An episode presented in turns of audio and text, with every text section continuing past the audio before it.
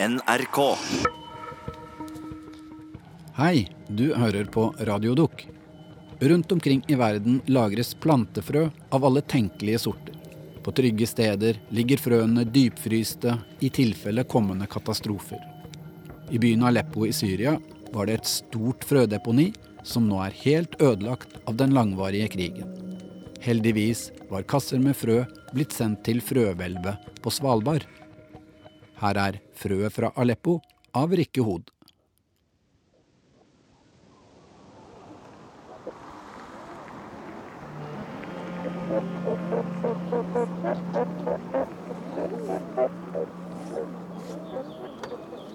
Dette er fortellingen om et frø.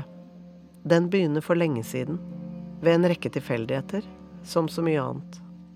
Fortellingen starter omtrent da jorden var ung, og det var blitt liv i havet. Og det livet krøp langsomt opp på landjorden. En av havets alger transformerte seg og ble til et plantefrø. Og frøet spirte.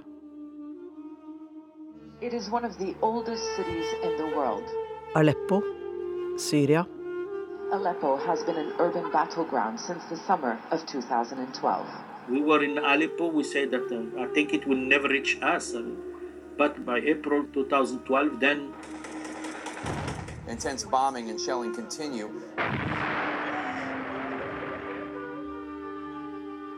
Litt utenfor Aleppo, på en bakketopp ved landsbyen Tel Haja, ligger noen lave, hvite bygninger omgitt av jorder.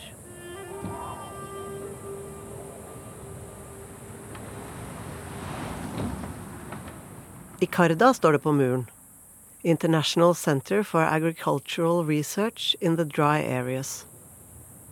Aleppos frøbank er forlatt. it was it was a heaven to us there. By means, På jordene omkring frøbankene og laboratoriene ble frø fra den store samlingen sådd for å dyrke frem nye frø til forskere og til bønder over hele verden. Ahmed Amri var en av dem. it was for us uh, one of the best environment for for working in terms of science, but also in terms of people. We have been uh, blessed by that by that country for, for years. Da krigen kom, ble de internasjonale forskerne evakuert, og mange av de lokale arbeiderne flyktet. thinking that it will be for temporary, like less than a year, that will come back. But un- unfortunately, things have uh, have I mean, gone beyond that. Frøbanken ble beleiret av skiftende opprørsgrupper. Strømmen kom og gikk. Bombene falt omkring anlegget. Sometimes we had more than uh, 300 missiles a day. And uh, a curfew or siege or uh, road cut, so no connection. Ali Shehadeh, lederen av frøbanken, kjørte til de stadig mer herjede bygningene når det var en pause i kamphandlingene, for å fylle drivstoff på aggregatet som holdt kjøleanlegget i gang. Months, we. No food, no petrol, no gas, no electricity, uh, scarcity of water. Forbi veisperringer, inn i de beleirede bygningene. Til slutt ble det for farlig. Krigen forseglet frøbanken.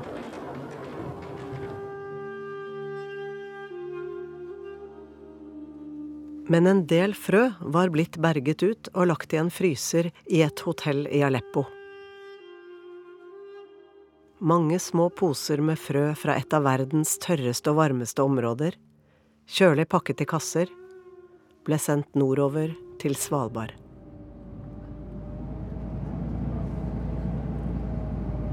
Første stopp Basecamp.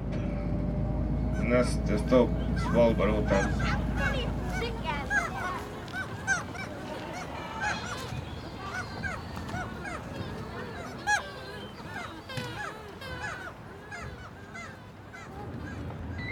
Jeg skal bare svare den.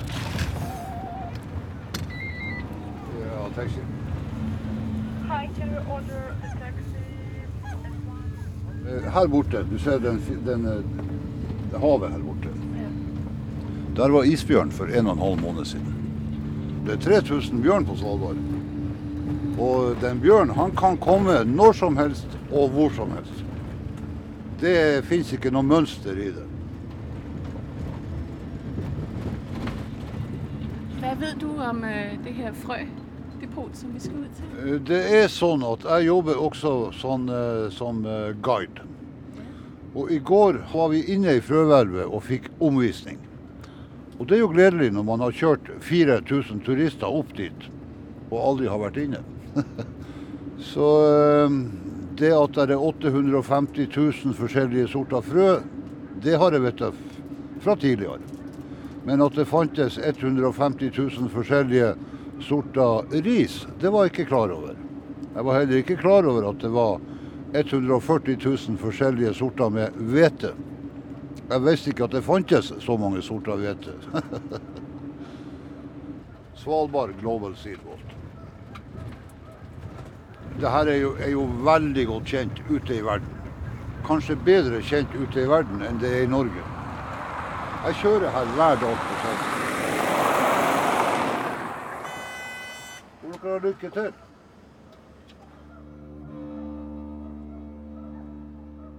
Hvis frøet hadde stemme, ville det fortelle om den gang jorden var ny, og kontinentene seilte fra hverandre. Fra syd til nord, øst og vest. Det kom ut på den andre siden av istider, vulkanutbrudd og oversvømmelser, og spirte på ny. Frøet hadde utviklet evnen til å gå i hi og vente.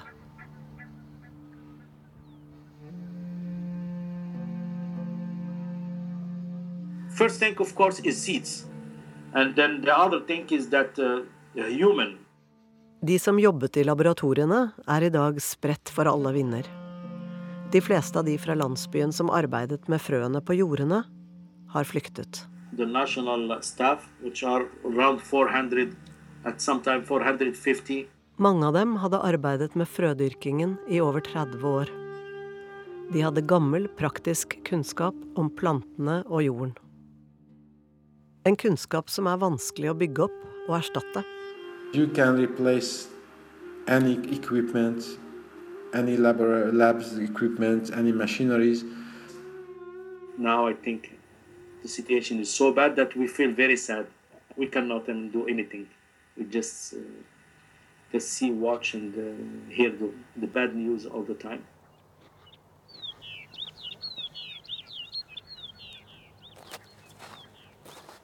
Frøhvelvet ligger for seg selv utenfor Longyearbyen og kikker ned mot Isfjorden.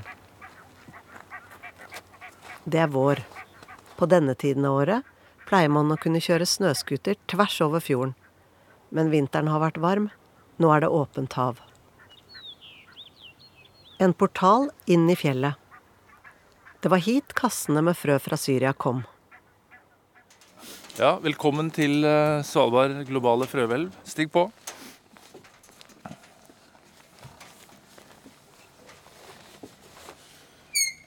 De må låse.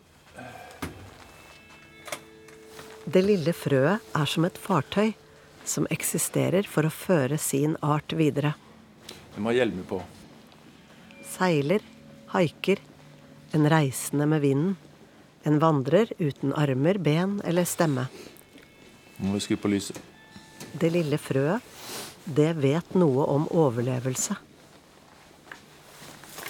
Ved døren her er det vel omtrent som her ute. Og så er det en lang gang, og så blir det kaldere nedover når vi kommer inn i permafrosten. Og så inni selve frølageret er det jo som en fryseboks. Hver høst sender den visnende planten sitt tyste avkom ut i fremtiden. Det var dette de forsto, de første samlerne og jegerne, som stoppet sin vandring og begynte å dyrke jorden. Det lille frøet er et skattkammer. To dører så vi liksom har en sånn sluse, slik at ikke vi ikke taper for mye kulde når vi går igjennom. Nå skal vi gå inn i tverrhallen, som vi kaller det. Inntil den dagen hadde også mennesket, liksom frøet, vært på vandring i det frodige landskapet mellom elvene Eufrat og Tigris. Nå er vi inne i fjellet. Det er mange titalls meter med fjell over her. Mesopotamia. Den fruktbare halvmåne som strekker seg inn i det som i dag er Syria.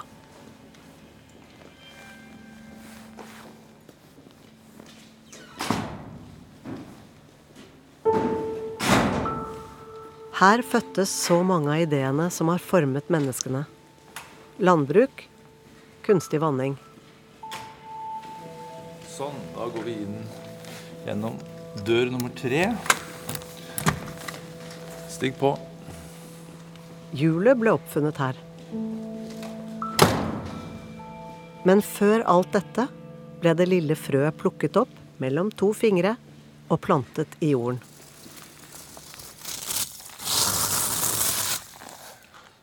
Men vi må ta av isen for å få nøkkelen på plass.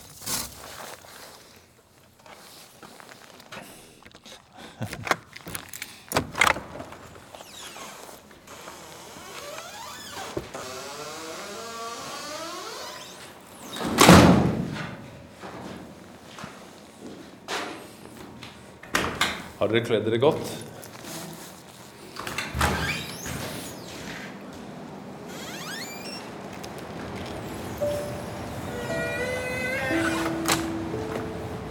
Millioner av ganger gikk solen opp og ned, og det kom flere og flere plantearter. Plantene hadde lært seg å overleve ved å fange solens stråler på bladene og forvandle lyset til energi. Fotosyntese og bygge opp med lys.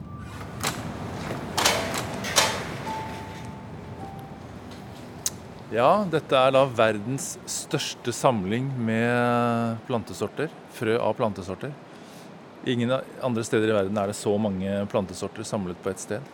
Her er det per i dag 840 300,0 Og så er det jo da minus 18 grader her. Kan gå nedover kassene her og se hva vi finner av forskjellige land. Det spirte, og det kom dyr. Og de var så forskjellige, men alle hadde det til felles at de fikk liv fra plantene, og de hjalp plantene med å spre seg. De bar frøene med seg i pelsen, under potene, på vingene og nede i magene.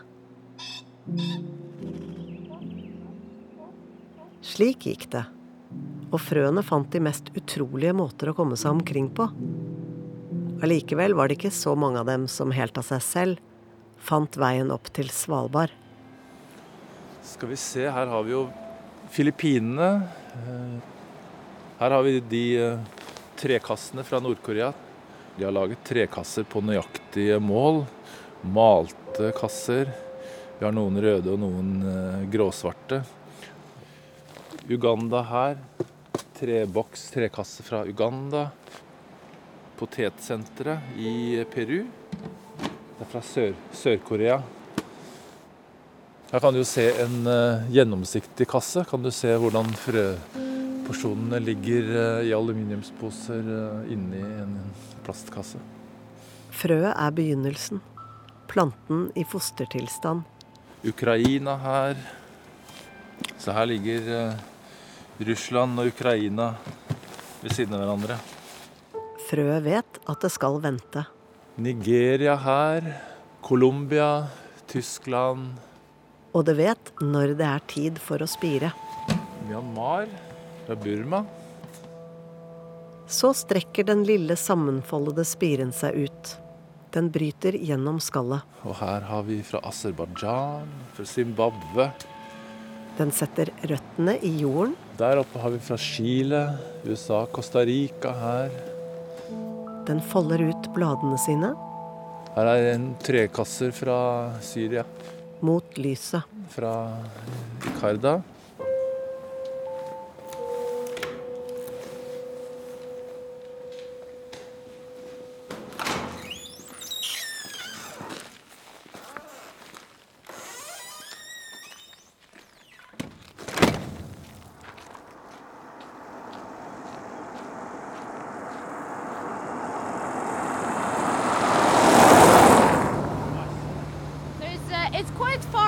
But over on the flat, snowy beach here, you can see two reindeers. To reinsdyr. Sightseeing til Pyramiden, den nedlagte russiske gruvebyen på Svalbard. Well, dear friends, good afternoon. My name is Sasha, and I live here. Sasha har på seg en stor hvit pelshatt og pelsjakke med lærbelte rundt livet og gevær over skulderen. When walking around, we need to stay as one group because Pyramiden is a ghost town with some abandoned buildings standing here and there. So we need to be very careful because there is a chance to meet a polar bear. Måkene og vinden bor i husene nå. Tomme gruvevogner ved foten av fjellet. And uh, originally I'm from St. Petersburg.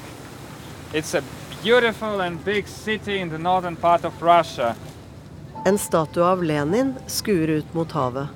Mot St. Petersburg, Leningrad. Vel en historie jeg har lest om henne, eller kan det være at jeg bare har fått den fortalt, har hørt om den. Men i hvert fall en av de tidlige frøbankene som ble oppretta i, i, Russland i, under Sovjet. St. Petersburg, hvor den russiske planteforskeren Nikolai Vavelov skapte et av verdens første frødepoter på begynnelsen av 1900-tallet. Under andre verdenskrig, da nazistene innledet den lange beleiringen av byen, pakket frøbankens forskere ned så mange frø de kunne, og gjemte seg i kjelleren under huset. Der de ansatte beskytta frøhvelvet med sine liv. Holdt stand inne i frøhvelvet for å passe på at byens befolkning da, som holdt på å sulte i hjel, ikke skulle spise frøene. Og flere av de ansatte sulta i hjel mens de da vokta frøhvelvet. I 28 måneder satt de der. De hadde lovet hverandre ikke å spise frøene, og det løftet holdt de. Ni av de tolv forskerne sultet i hjel i den kjelleren. Men frøsamlingen i St. Petersburg ble reddet. Så allerede da forsto man hvor viktig det var å ta vare på de her frøene. På Svalbard skulle man ta vare på frø i tilfelle katastrofer i en fjern fremtid. Med et håp om at det aldri ville bli bruk for dem. Men kun ett år etter at frøene fra Syria havnet nede i permafrosten, ble kassevis hentet ut og sendt til Libanon og Marokko. Der spirer frøene, mens forskerne drømmer om å reise tilbake til Aleppo. And if you to just talk to anyone who's going, who would like to go back to Aleppo, everybody would say, yes, I will go back.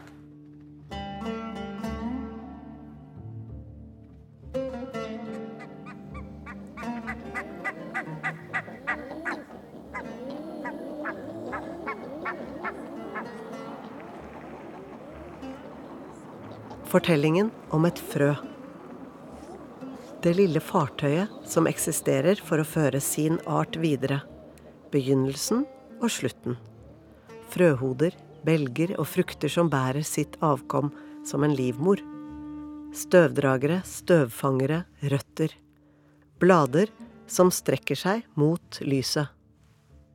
We didn't freeze all our activities. I still have I have PhD student doing her PhD in Aleppo. I Aleppo er ikke alt lagt øde. En ung kvinne forsker og jobber videre med sin doktorgrad om kløverplanten. She, PhD on uh, genetic diversity, ecogeographic survey, taxonomic and genetic studies of clover in Syria.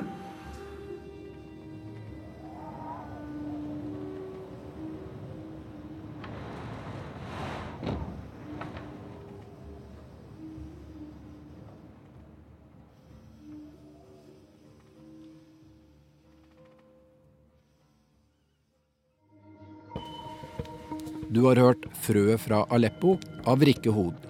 Lyddesign Kjetil Hansen. Kommentarer lest av Vicky Schaubert. Og jeg som heter Kjetil Saugestad, var konsulent. Send oss gjerne en e-post på radiodok nrk.no. NRK.